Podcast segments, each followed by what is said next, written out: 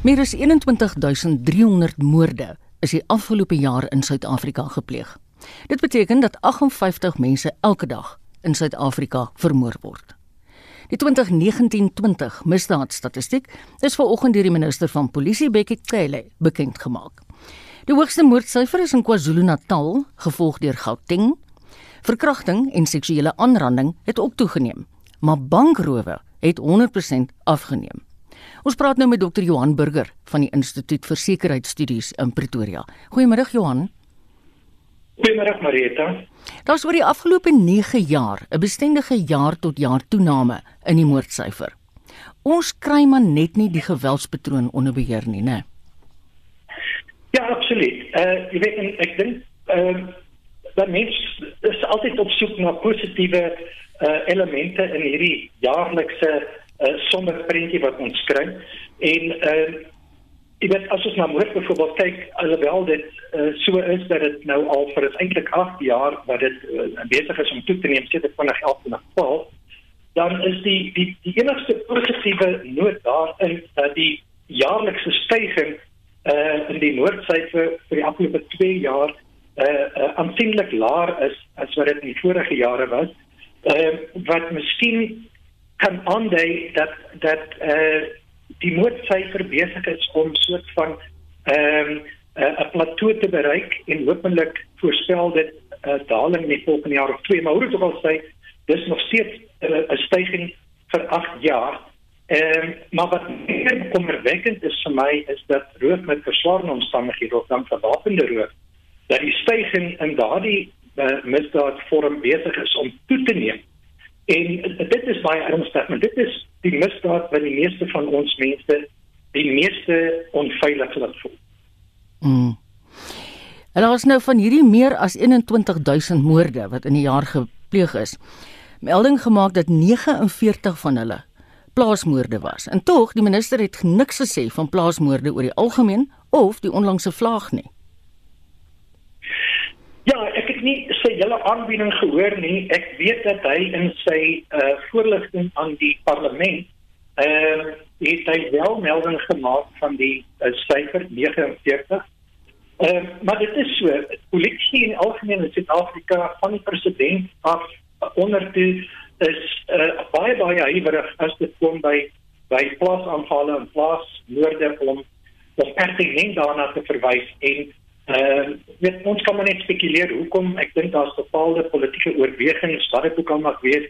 Ek wil my nie daaroor uitlaat nie, maar dit is bitter bitter jammer want ons sit met met 'n strategiese bate uh, in die vorm van ons landbousektor wat hierdie land grootliks onafhanklik maak wat sy voedselproduksie aanbetref. Mm. Maar tog is hierdie mense die fokus van getekende aanvalle en dit is soms van die mees gruisame aanvalle wat jy kan kry uh, jy weet ons ons kyk dit ons net na die moorde maar daar's soveel ander mense wat uh hierdie aanvalle oorleef maar wat vir die res van hulle lewe uh lê onder die trauma ja. uh uh, uh die fisiese en sielkundige letsels wat hulle mee dra en dan is dit net vir my verdoeming uh teen die teen ons regering dat hulle nie uh hulle baie meer uh, en meer gereeld en sterk uitspreek uh, nie net uitspreek teen hierdie tipe van van misdaad nie, maar dat hulle uh, doelgerigte stappe in plek stel wat hierdie hierdie tipe van uh, moorde kan beter bekamp. Johan, jy het net nou verwys dat jy bekommerd is oor die feit dat die gewapende roofstatistiek soveel toegeneem het. Kan jy vir ons dit vertel? Ja, jy weet dat uh, Marita wat my wat my bekommer rondom gewapende roof is dat dit bestaan uit sewe subkategorieë volgens die metingsinstrument van die polisie. Wat natuurlik die sogenaamde trio misdade van huisroof, besigheidsroof en motorkapings insluit. En dan kom daar die ander goed by stokkapings, kontant en transietroof, bankroof en straatroof. Nou as jy na hierdie misdade gaan kyk, dan is hier interessante patrone en ek sê nou interessant, maar dit is uh, goed wat uh, baie baie ernstige implikasies vir ons inhou. Huisroof hmm. wat een van die mees gevreesde misdade onder Suid-Afrikaners is en dit is volgens statistiek Suid-Afrika se se jaarlikse uh uh meningspeilings wat hulle doen. Slagoffer meningspeilings. Uh dit het met 5.8% afgeneem. Uh, en dieselfde met met uh, uh, inbrake by by residensiële wonings, dit afgeneem met 6,7%. So wat dit vir my sê is dat uh, uh, hierdie hierdie misdadigers het iets anders te gekry wat meer lonend is. En dit lyk vir my ehm uh, motorkapings en en en uh motordiefstalle het nou die nuwe fokus geword. Maar as jy gaan kyk na selfs kontant en transitoer wat hmm. met uh, meer as 10% afgeneem het. Jy weet van die misdadigers, die syndikaate het nie weggegaan nie, hulle is nog steeds daar. So waar fokus hulle? En dit lyk vir my of hulle nou besluit het om hulle aandag eh te verskuif van huisroof en en van kontant en transitoer nou na motorkapings en motordiefstalle toe. Motorkapings het toegeneem met met 13,3%.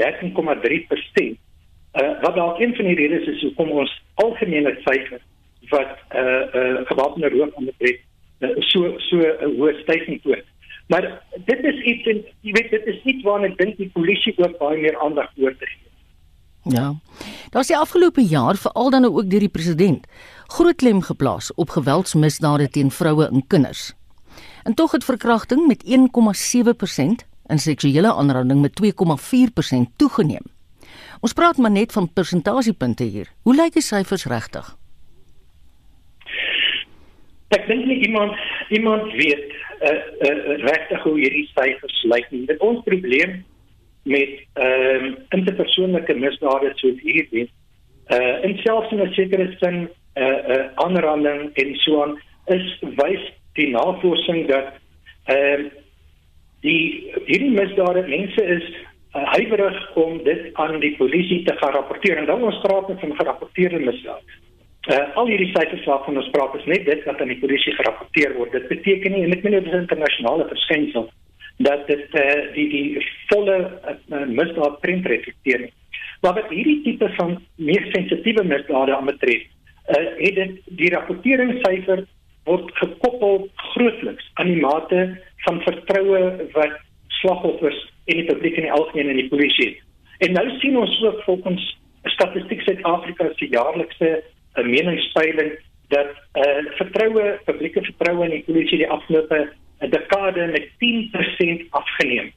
So eh uh, dit versom my eintlik dat hierdie syfers eh uh, wel 'n effense eh uh, uh, toename wys in verkrachting en en en sekere tipe seksuele misdrywe.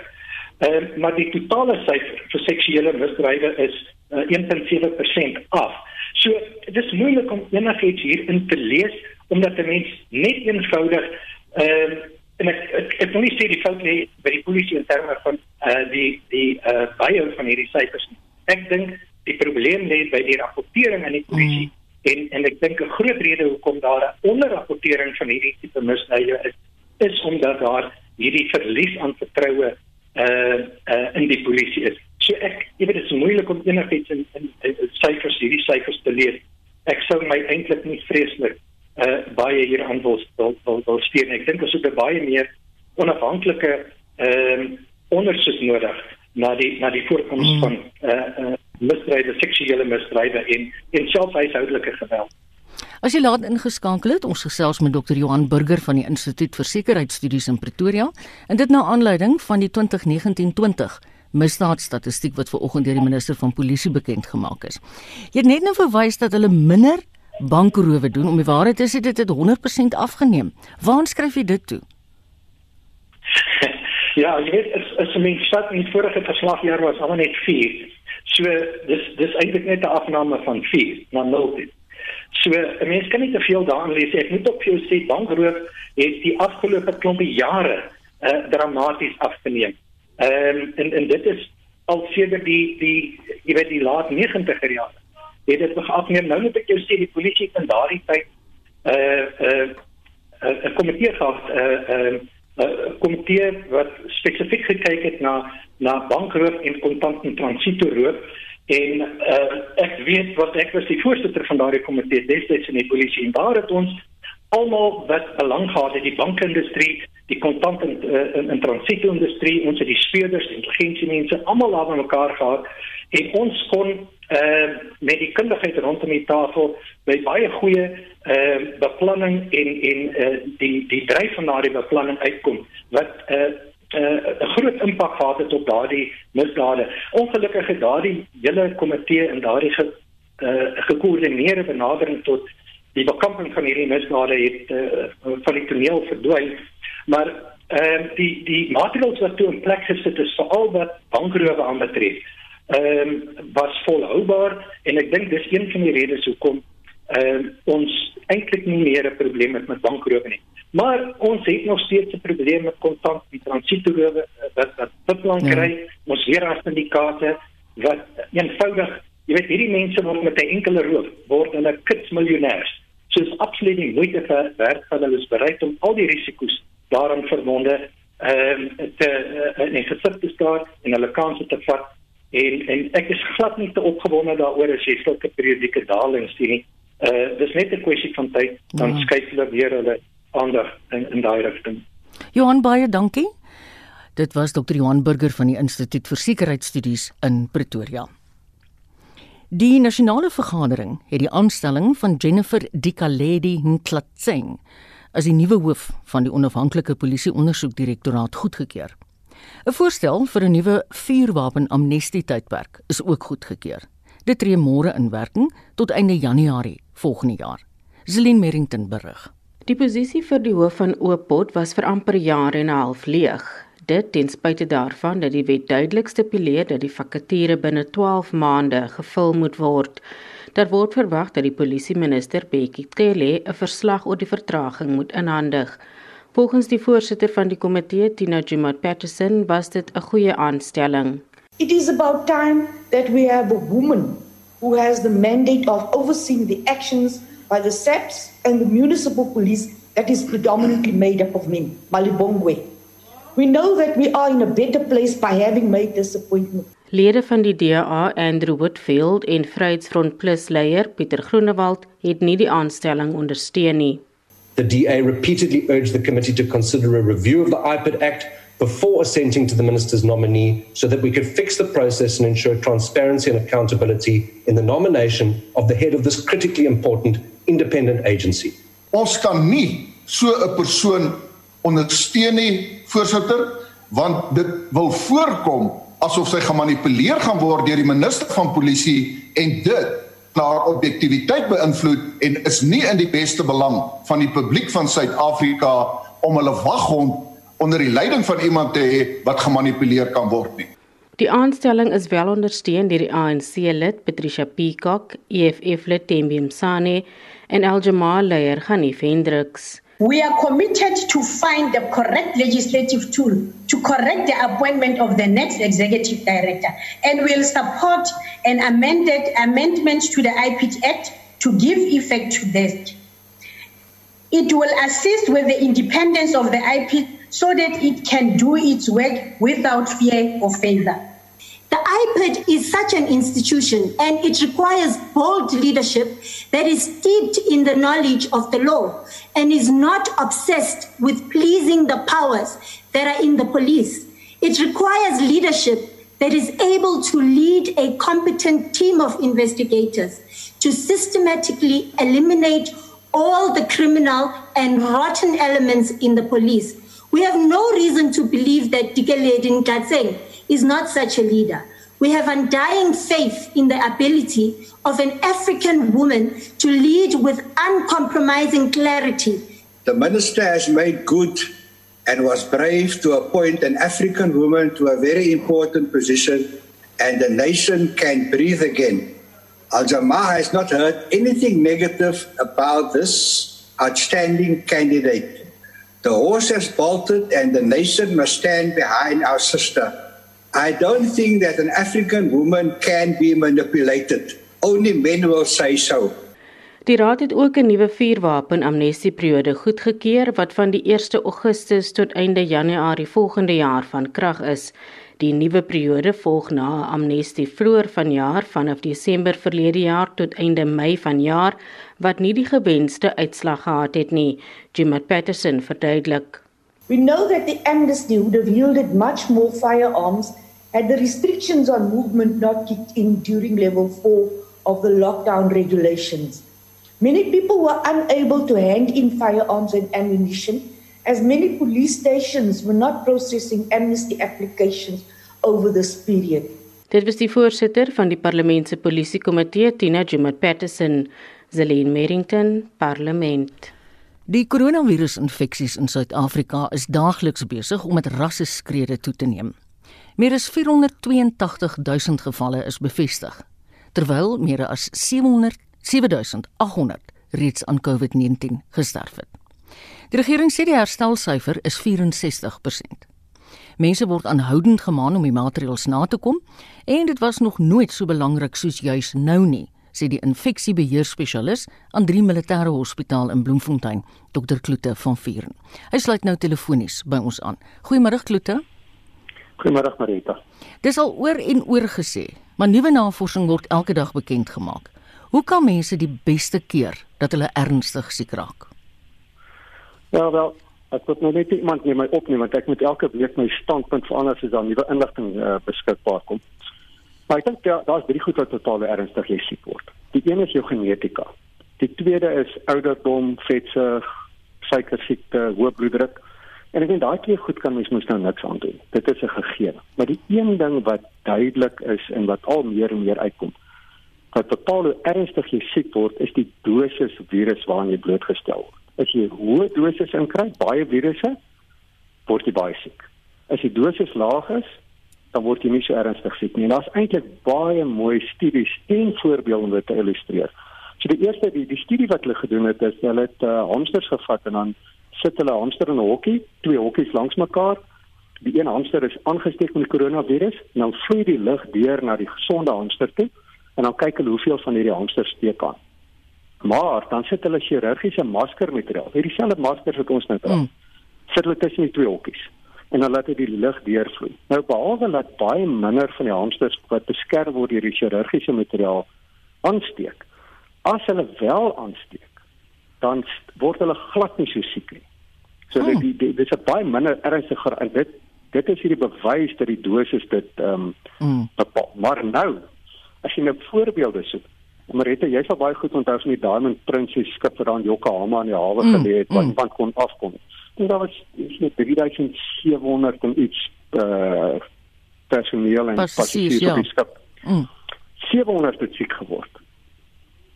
18% van daai mense wat siek geword het, onthou die die Chinese, ag die Japaneese het al wat leef en beweeg op daai skip almekaar getoets. 18% van hulle het hierdie sogenaamde uh sonder simptome infeksies gehad. Wat hulle weet hulle hulle weet nie as hulle siek nie mm. en Maar dan is daar 'n ander voorbeeld van 'n uh, 'n passasiersskip op ekspedisie na Antarktika toe. En wat daar gebeur het, in teenstelling met die Diamond Princess, het hulle onmiddellik vir al die uh, passasiers en personeel maskers uitgedeel toe die ding op die skip uitbreek. En op daardie skip was 81% van die mense asymptomaties sonder simptome. Ehm um, wat net baie mooi hierdie hierdie ook illustreer dat sodra jy 'n masker dra, die dosis van die virus wat jy aan blootgestel word minder is, word jy nie so ernstig siek nie. En jy weet, ek ek sit nou en dink aan die ding, jy weet, ehm um, goed, ons het nou hierdie hele ding met die lugverspreiding van die virus. Kom ons wees nou mooi eerlik met mekaar daaroor. As jy in die buitelug is, is daar geen risiko. Die goed word weggewaai, dit verdun. Niemand steek in die buitelug aan. Jy sal onthou met daai gepakte strande in Engeland hier in die begin van Julie mm. met hulle vakansiedag. Florida sien ons se goed. Die protesoptogte in die FSA, nee, daar was nie een enkele superverspreiding geleentheid of uitbraak wat teruggespoor kan word na hierdie buitelug samedromming. Ja. Yeah. Die goed gebeur binne sy. So hoe beskerm jy jouself? Vir my is samedromming van mense, veral binne sy. Hou jy afstand van te verder jy van iemand is, hoe minder die kans dat jy doodsies blootgestel word en dra jou masker. As jy masker op het, is aanvanklik gesê dan dan beskerm jy die ander ou as jy geïnfekteer is, maar dit is nou mm. baie duidelik dat jy jouself ook beskerm. As jy die dosis klaar maak, word jy nie so ernstig siek nie. En my gevoel is as dit die een ding is waaroor ek beheer het, dan doen ek dit.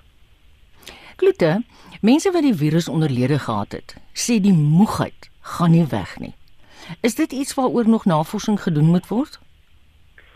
Ja, weet jy, ehm um, daar is nou in die afgelope week twee uh, studies gepubliseer hieroor, maar ek dink die belangrike een is wat hulle pasiënte gevat of mense gevat het wat bewyste infeksie gehad het en bygesê 'n klomp van hulle met hierdie sogenaamde sonder simptome infeksie waar nie eers ernstig siek is.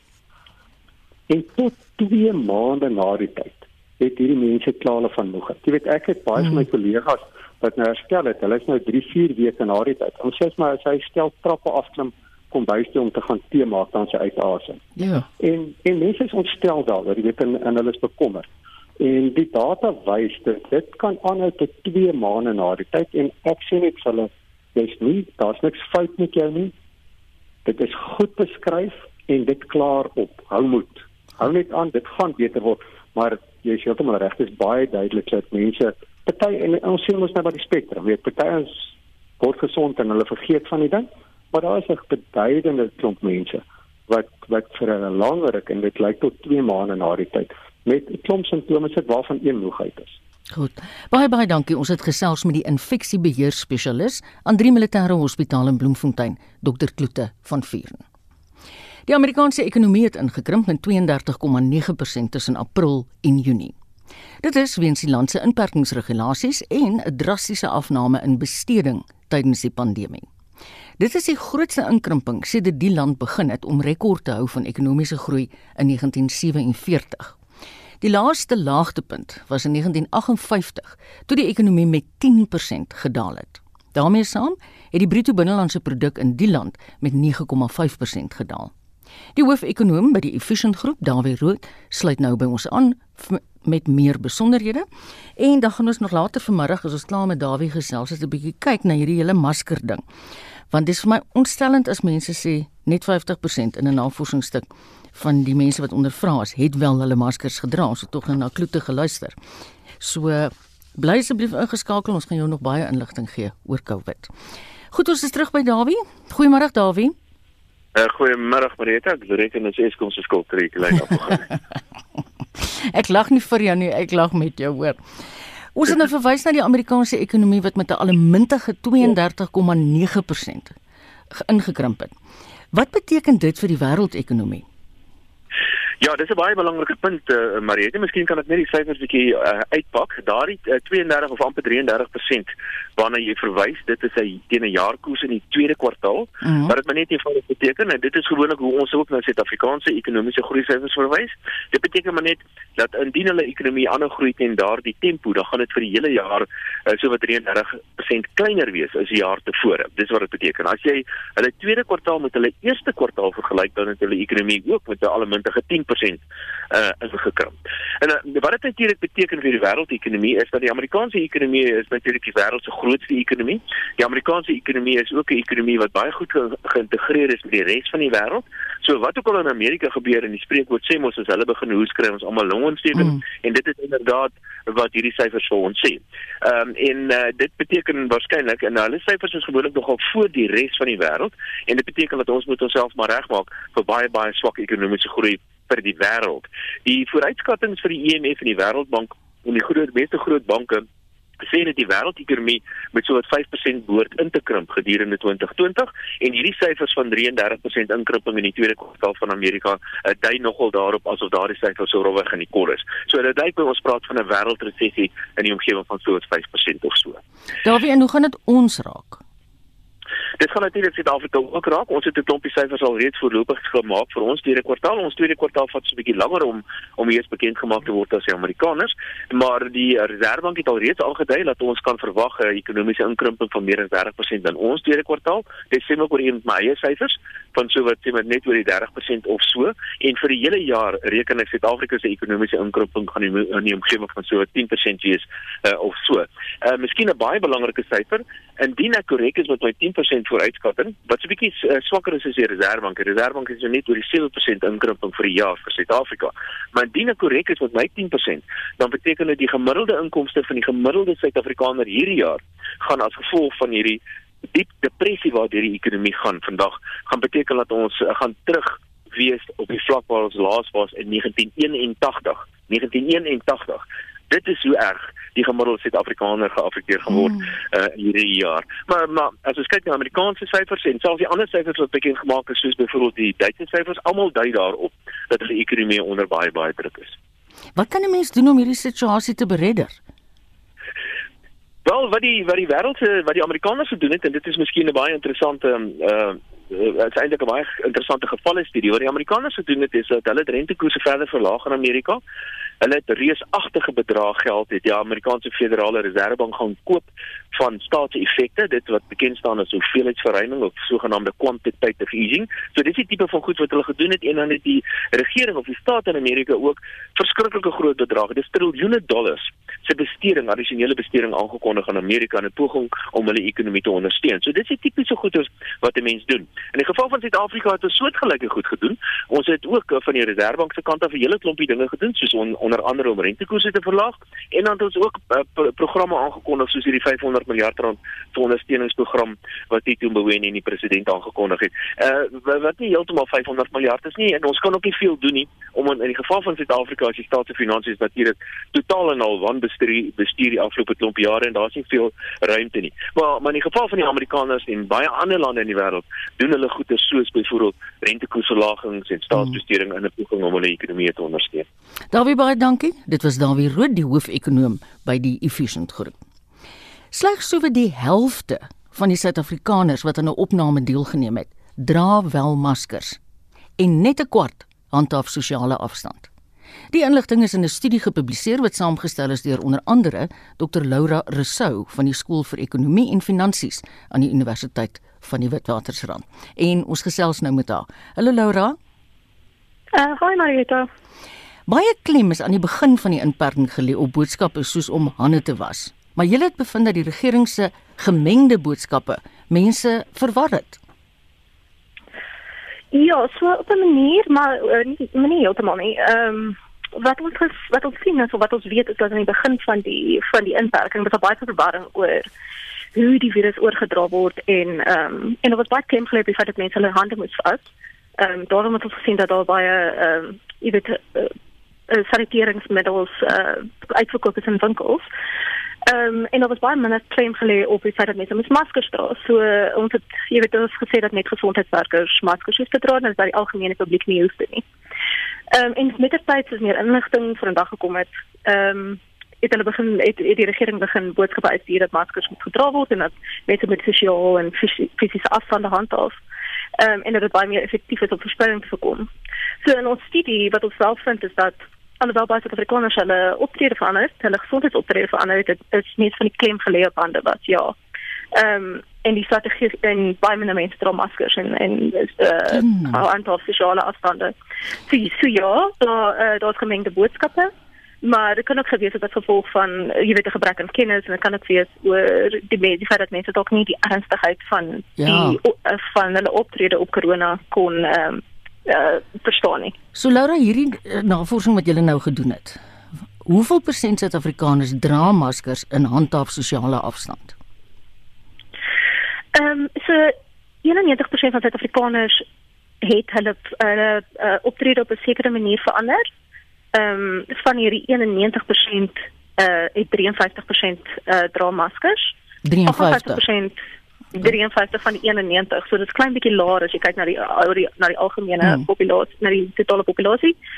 5 uh, uh 50% handhaaf sosiale uh, afstande en net 25% handhaaf fisiese afstande. So jy weet uh vir my om hande te skud of drukkies te gee. Ja, ja, ja. En ek dink dit is veral kommerwekkend uh Marita omdat 80% uh, maskers uh mas maskers moet omtrent gedra word deur die hele bevolking vir dit om 'n doeltreffende beleid ja. te wees. So ons is nog ver af van die van die 80% ehm um, punt af. Ehm um, dit moet gesê word dat hierdie was in in Junie ehm um, bepaal hierdie hierdie statistieke ja. so dis moontlik dat dit dalk verder dien kon verbeter het. Ja, ek moet jy sê wat ek op die straat sien dink ek dit het agteruit gegaan. Hoe kan mense aangemoedig word om nie sosiaal te verkeer nie, nie ore weer te kuier nie, maar eerder by die huis te bly? So ek dink dit is moeilik om te sê. Ehm um, dit is jy weet ons vra mense om hulle langtermyn optrede te verander en ons vra hulle om dit vir baie lank tyd te doen en sonder enige hoop dat dinge dalk in die toekoms kan verander of wanneer dit kan verander. Ehm um, en vir dit het jy nodig om dalk nie ehm um, jy weet so bes, bestraffende maatreëls in plek te stel nie, maar so 'n omgewing te skep waar binne mense kan kan ehm uh, optree. So jy weet ehm um, met enigiets dink ek is mm, baie moeilik om enigiets te verbied. Uh mens moet liewer so die konteks skep mm. en omstandighede beheer. Mm. So ek dink die stap om publieke spasies oop te maak, soos parke, waar waar dit moeilik is om die virus oop te dra, dit is 'n stap in die regte rigting. Um om mense te herinner oor die feit dat die onus is op mense op die oomblik. Dit is nie op um jy weet dit, dit ons vra vir vir mense in Suid-Afrika om hulle optrede te verander en dit is grootliks wat gaan bepaal wat gaan gebeur met die virus oor die oor die volgende paar maande. Ehm um, en dat die gevaar terwyl dit nie vir 'n individu dalk 'n uh, 'n uh, groot ehm um, gevaar kan dan is dit 'n groot gevaar vir kwesbare groepe. Hmm. Ehm um, en dit is belangrik vir die samelewing. So om om klem te lê op daai tipe boodskappe ehm um, en om dit meer 'n uh, interaktiewe spasie te maak in plaas Goed. van 'n 'n bestraffende ja, ja, ja. dink ek is 'n goeie stap. Hoor ek tussen die lyne dat jy sê hulle moet vir die mense twak en drank gee. Uh, nee, nee, ek maak 'n grap. Ek, uh, ek maak 'n grap. Laura, kom jy agterkom watter rol speel die oordra van inligting deur nuusbronne? Ja, so, ons het gevra waar kry mense hulle hulle vorm van inligting en meeste mense kry uh, inligting oor COVID van deur ehm um, deur nuusmedia, so uh, plaaslik of internasionaal. Ehm um, terwyl baie mense het gerapporteer dat hulle kry dit van regeringsbronne of van gesondheidswerkers af. En dit is 'n nie in in in self problematies nie, maar ons het gevind dat mense wat inligting van die regering af kry, ehm um, het meer inligting oor COVID, hulle kan meer akkuraat simptome lys en hulle tree ook meer ehm um, hulle het ook beter gesondheidsoptredes. Ehm um, so in daai sin weet ons dat dit 'n effektiewe bron van inligting oordra. Ja. In Pakistan ja, hoor ek word boodskappe op 'n baie interessante mm. manier oorgedra deur selfone se luidtoon. Vertel. Mm. Ja, so die die UNDP het onlangs 'n studie daar gedoen waar hulle mense se luidtone verander het om boodskappe oor en inligting oor COVID oor te dra. So as jy foon lei in plaas van dat daar op die iPhone ringtone, like die iPhone ringtone waar waar jy inligting verskillende verskillende tipe inligting oor corona en hoe om op te tree. Hmm. En mense om jou oor hoor ook die luidtoon. So ehm um, Dis dit interessant. Dit is van dit was effektief, ja. Ja. Baie dankie. Dit was Dr. Laura Rousseau van die Skool vir Ekonomie en Finansies aan die Universiteit van die Witwatersrand. Nou iets lekkers. Sangeres Beyoncé se kortfilm Black is King is vandag bekend gestel en wêreldwyd word daar nou oor die projek gegons. Beyoncé was self die uitvoerende regisseur van die projek wat voortspruit uit die jongste weergawe van Disney se rolprent The Lion King. Die kortfilm begin in New York, vanwaar die kyker op reis geneem word na Los Angeles, Suid-Afrika, Wes-Afrika, Londen en België. Dis juis uit hierdie plekke waar die kunstenaars en dansers wat die rolprent inspireer het, vandaan kom. Gebruikers van sosiale media kan net nie uitgepraat raak oor die sterk boodskap, die beeldmateriaal en die kleurryke uitrustings nie. Het jy al ooit gewonder hoe die wêreld lyk uit die perspektief van 'n vleiende insek? Nou navorsers aan die Washington Universiteit in Amerika was so geïnteresseerd hierin dat hulle piepklein videokameras ontwerp het wat op kewers se rug vasgemaak word. Die beeldmateriaal kan regstreeks op 'n slimfoon dopgehou word en gaan na verwagting binnekort op motte en spinnekoppe getoets word. Vir meer hieroor praat ons nou met Pieter Geldenhuys, verbonde aan die Londen Sakeskool. Hallo Pieter. Goeiemôre. Hoe word hierdie kameras op die kewers vasgemaak? Ooh, dit ek ek dink hulle het 'n klein rugsakkie wat hulle aan hierdie kewers gee. So hulle eh, ek het ek het gesien dat die kewers waarop hulle toetse gedoen het vir 'n hele jaar lank geleef het na die tyd. So ek dink nie dat uh, daar enige dat die kewers definitief nie seer gemaak is in die proses nie en dat hulle maar 'n klein rugsakkie vir die kewer gegee het om dus hierdie kamera rond te dra. En hoe werk hierdie kameraatjies? Ek dink die groot deurbraak kom eintlik uit baie velde uit. Ons het groot deurbrake in die wêreld van uh, batterytegnologie ook in terme van uh, koordinate kommunikasie. Hulle het 'n tipe van 'n Bluetooth tegnologie gebruik wat ons Zigbee noem wat 'n baie baie lae frekwensie uh, of, of baie baie lae bandbreedte het, maar wat baie baie um, energie effektief is. En en dan natuurlik die tegnologie wat ons het in in kameras. Al al die tegnologie is bymekaar gesit en daar is toe 'n kamera rugsakkie gemaak wat die helfte wat 'n tiende van die gewig van 'n enkele speelkaart is. Hulle praat van 250 mg. Ja. So 'n geweldige ligte kamera hmm. wat hulle dus op die rug van die kewer gemonteer het. Dis nie die eerste keer dat insekte by tegnologiese eksperimente betrek is nie. Kan jy dalk 'n paar ander voorbeelde noem? O oh, ja nee, kyk uh, in Amerika uh, het hulle baie interessant het, het hulle baie interessante eksperimente met met veral kakkerlakke begin doen so 10 jaar terug. Toe die militêre uh, been van die of, of die navorsingsdien van die Amerikaanse militêre weer wag of jammer, maar dit het al die die militêre agentskappe in Amerika hmm. kyk hoe kan hulle ehm um, kakkerlakke uh gebruik om spionasie te doen. Hulle het toe so ver gegaan as om 'n as om medisyne weerstelsel van 'n kakkerlak te gestaan Peter. Nee. En daarmee probeer op die kakkerlak hier en weer te stuur. Nou dit dit mag miskien verregaande klink, maar dit het so ver gegaan dat jy nou op die internet uh dit kan aankoop. So as jy met 'n kakkerlak wil gaan staan en rondspeel, dan kan jy vir 'n 150 dollar kan jy dan so 'n kakkerlak rugsakkie koop wat dan uh, jou toelaat om via jou selfoon die kakkerlak links en regs te bestuur.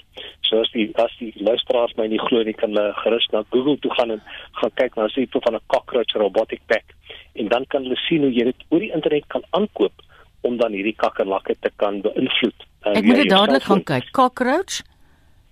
So so ek ek, ek dink uh, as jy na die uh, uh, jy kan kyk na na cockroach robotics of selfs kan kyk na okay. daar selfs 'n TED praatjie daaroor waar iemand gepraat het oor hoe hulle dan die navorsing gedoen het om hierdie kakkerlak links en regs te bestuur en hulle het sy voelers beïnvloed. So hulle hulle hmm. dan elektrodes op sy voelers gesit en soos die kakkerlak dan uh insit op sy voelers kry het dan links of regs beweeg. Hi, so jy moet maar versigtig wees in die in die toekoms waar mense dan kameras op kakkerlakke gaan sit om op jou te spioneer. Haai man, nou hoe dink jy lyk die toekoms van hierdie sogenaamde nanotegnologie? Daar daar's geweldige waarde in nanotegnologie. Ons moet besef dat 'n paar jaar terug het ons die die Higgs boson vektor geïdentifiseer. Dit is op 'n baie baie kleiner skaal. En dit beteken dat in die volgende paar jaar ons rekenaars kan gebruik om nuwe slim materiale te kan bou. So ons het ons staan werklik op die voorpunt van ongelooflike tegnologie van nanomateriale en ook nanotegnologie.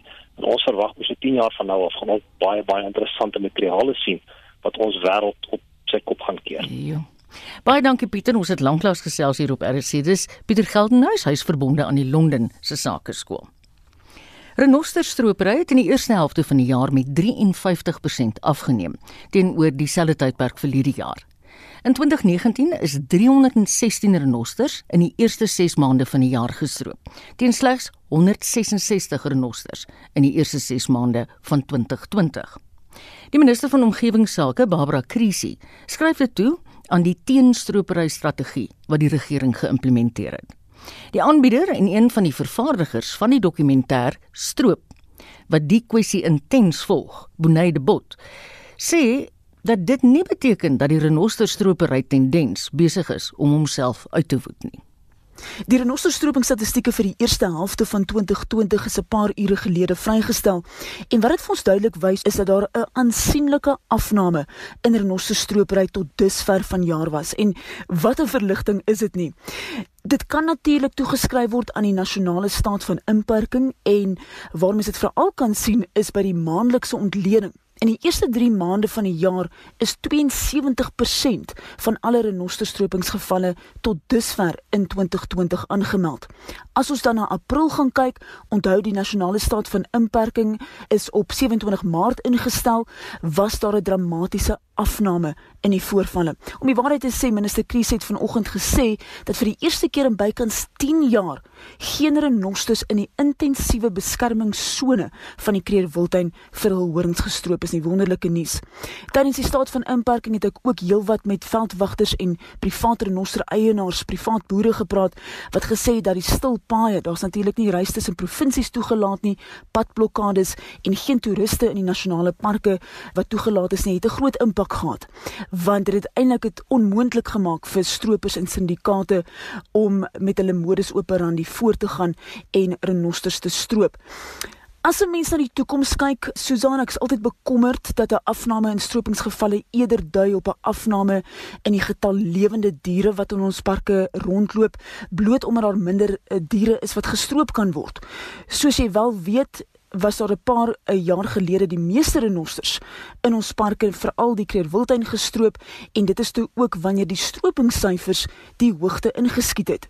So die onlangse afnames is nie altyd 'n goeie aanduiding nie omdat dit vir ons vals hoop gee dat ons besig is om die oorlog te wen.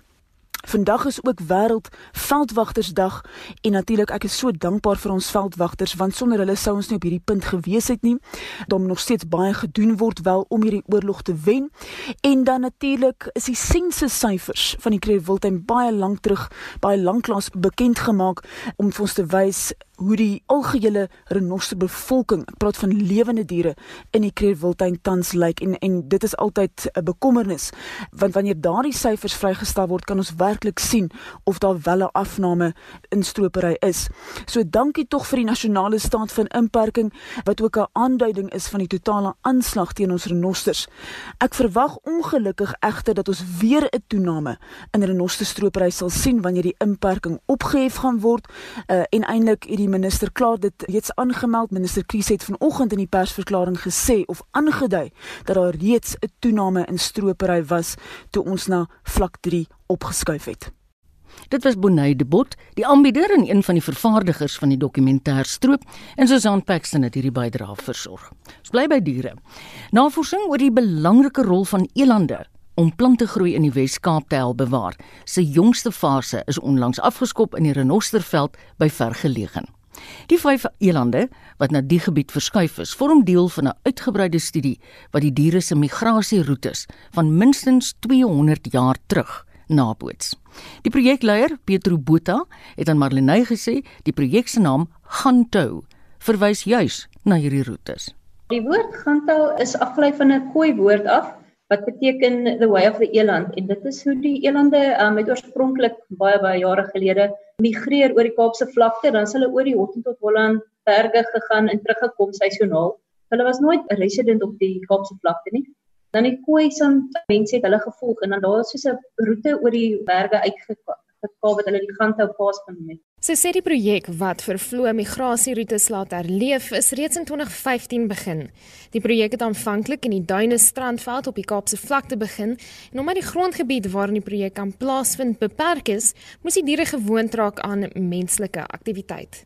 Ons werk op 10 hektaar wat klein is, maar hopelik kan 'n mens in 'n kort tyd die impak bepaal en dan kan mens voort voortgaan om te sê dit is die voorgestelde draagkrag vir 'n renosterveld of miskien 'n herstelproses is. Want meeste van jou renosterveld was voorheen landerye. Dit is 'n herstelproses. Dit is nie ideaal nie, maar wat ons hoop om sal die elande kan bydra om van 'n ekologiese prosesse te herstel. Botha sê elande en ander groot herbivore wat as omgewingsdrywers beskou word, is ongeveer 200 jaar laas natuurlik in die gebiede aangetref. 'n Belangrike drywer in die natuur is versteuring. 'n Mens dink baie keer mens moet iets nie versteur nie, dit is die beste vir dit en wat bewys is al is dat die natuur is gebou om geversteur te word. En tipiese versteurings wat daar was is vure, vloede en en herbivore maar dit het die die resilience van die van die plante opgebou. Dit is daai daai herstelproses wat hulle eintlik sterker maak. In gebiede waar die versteurings nie meer plaasvind nie, vind bosverdigting plaas wat lei tot die uitsterf van minder dominante plantspesies. Dit is spesies, spesies wat nie hou van koelte of so nie verdwyn en op 'n lang termyn is dit actually nadelig vir jou biodiversiteit. Waar as jy versteurings het op die op die regte hoeveelheid, dan help net daai plante om oop te maak vir jou kleiner spesies wat nie hou daarvan om in die koelte te leef of onder 'n ander plant te wees nie. So ja, dis die groot ding wat ons waarmee ons begin het was om te kyk hoe kan ons bosverdigting bekamp in Kaapstad. En dit het ons gesien Elande het 'n wonderlike werk gedoen by Rondevlei wat 'n baie volwasse stadium was En as jy op punt kom waar jy bosverdigting te ver gaan, dan verloor jy soveel spesies dat dit moeilik is om jou hele stelsel terug te kry. Dit was Petro Botha wat aan die stuur van die Gantu projek in die Renosterveld in die Wes-Kaap staan. Ek's Marlene Forsie vir SAK nuus. En daarmee kom ons aan die einde van die laaste Spectrum uitsending vir Julie maand. Hoop jy die uur saam met ons geniet. Onthou gerus Spectrum Monitor naweek aktueel kommentaar, finansiële fokus, die hele boks om dice is op rsg.co.za as 'n potgooi beskikbaar. Jy kan ons natuurlik ook volg op Twitter by Monspek1 of op Facebook facebook.com vorentoe skynstreep ZARSG. Ek groet namens ons hele redaksie wat vandag deel was. Ons uitvoerende regisseur waarnemend is Hendrik Martin, vandag se redakteur Jean Esterhuizen, produksieregisseur Frikkie Wallis en ons twee medewerkers was Estie de Klerk en Marlenae Forsie. Geniet jou middag in die geselskap van RSG Martelie staan reg met die 2 uur nuusoortrekke.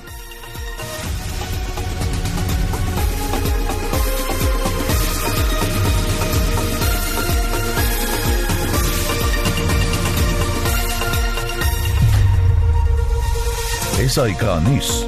Onafhanklik, onpartydig.